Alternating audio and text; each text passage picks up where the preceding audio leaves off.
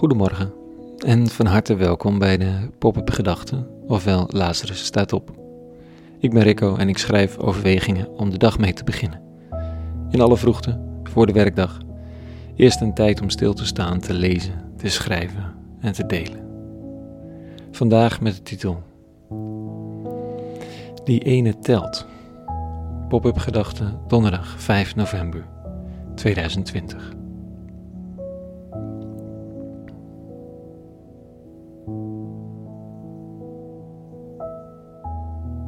Het gaat alleen maar over tellen deze dagen. De aanval van de zittende president van Amerika, die meent dat heel veel stemmen niet meer tellen. De tellers, die nauwkeurig elke stem tellen. En de voortdurende vraag al weken en maanden naar de meerderheid. Wie wint de meerderheid? In de lezing van vandaag is het de vraag wie de enkeling wint. In het geraas van grote verkiezingen, klimaatangst en sepsis nou, het lijkt wat dat betreft goed nieuws dat Biden aan de winnende hand is. Coronamaatregelen. Het zijn nogal grote dingen die iedereen aangaan. Waar in grote woorden en met grote maatregelen over gesproken moet worden. Maar hoe zit het dan met die ene? Ik vind het al moeilijker deze dagen om contact te houden met al die enkelingen. Normaal zou ik ze zien op allerlei gelegenheden en dan gaat het vanzelf. Nu is het zaak om te bellen of te zoomen Terwijl je ook de hele dag de NOS-pagina kunt verversen om te kijken wie de meerderheid heeft. En dan de enkeling vergeet, die echt gebeld zou mogen worden, eigenlijk. Dit is de lezing van de dag. In die tijd kwamen tollenaars en zondaars van allerlei slag bij Jezus zonder hem te luisteren. Maar zowel de fariseeën als de schriftgeleerden zeiden morren tegen elkaar. Die man ontvangt zondaars en eet met hen. Jezus vertelde hun toen deze gelijkenis.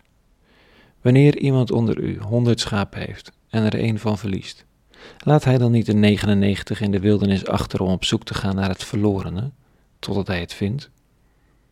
En als hij het vindt, legt hij het vol vreugde op zijn schouders, gaat naar huis, roept zijn vrienden en buren bij elkaar en zegt hun: Deel in mijn vreugde, want mijn schaap dat verloren was geraakt, heb ik gevonden. Ik zeg u, zo zal er in de hemel meer vreugde zijn over een zondaar die zich bekeert dan over 99 rechtvaardigen die geen bekering nodig hebben. Hij laat de 99 achter en gaat zoeken naar die ene blatende verlorene. Dit was de lezing van de dag op de dag nadat Trump verkozen was, nu vier jaar geleden. Toevallig vandaag dus weer.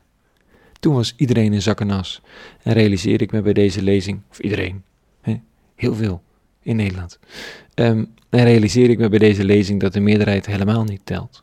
In deze tekst is alleen diegene relevant die verloren is gelopen en degene die gaat zoeken. Die nemen afscheid van de meerderheid en gaan hun eigen gang. Troostrijk was dat toen. Het zou fantastisch zijn als die troost niet meer op dezelfde manier nodig zou zijn dit jaar. Lukt het mij nog om in het geweld van meerderheden en grote vragen de eenvoudige link te leggen met degene die me zijn toevertrouwd?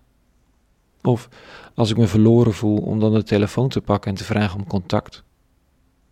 Ze zien me aankomen, denk je dan. Hoe verhoudt mijn vraag zich tot die 99 andere grote vragen in hun leven?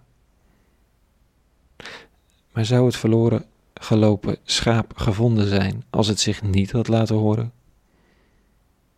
Zo'n herder kan toch ook niet ruiken waar het beest zit, lijkt me. Het heeft de herrie en het gerukken naar doornstruiken nodig waar het in vast zit. Tenminste, dat denk ik zo. Het verlangen om gehoord te worden. Nou, zo eenvoudig dan maar vandaag. Terwijl een vader zich een ongeluk telt en campagneteams de centen tellen om oneindig advocaten te gaan betalen, die dan hertellingen willen en ongeldige verklaringen van de stemmen die niet zouden tellen, is aan mij de vraag of in mijn hoofd de enkeling nog telt. Die verloren is geraakt, buiten de 99. Er zijn er vele.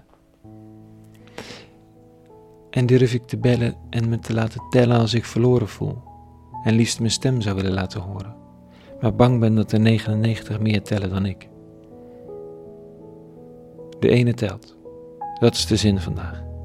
En ik neem hem graag mee de dag in.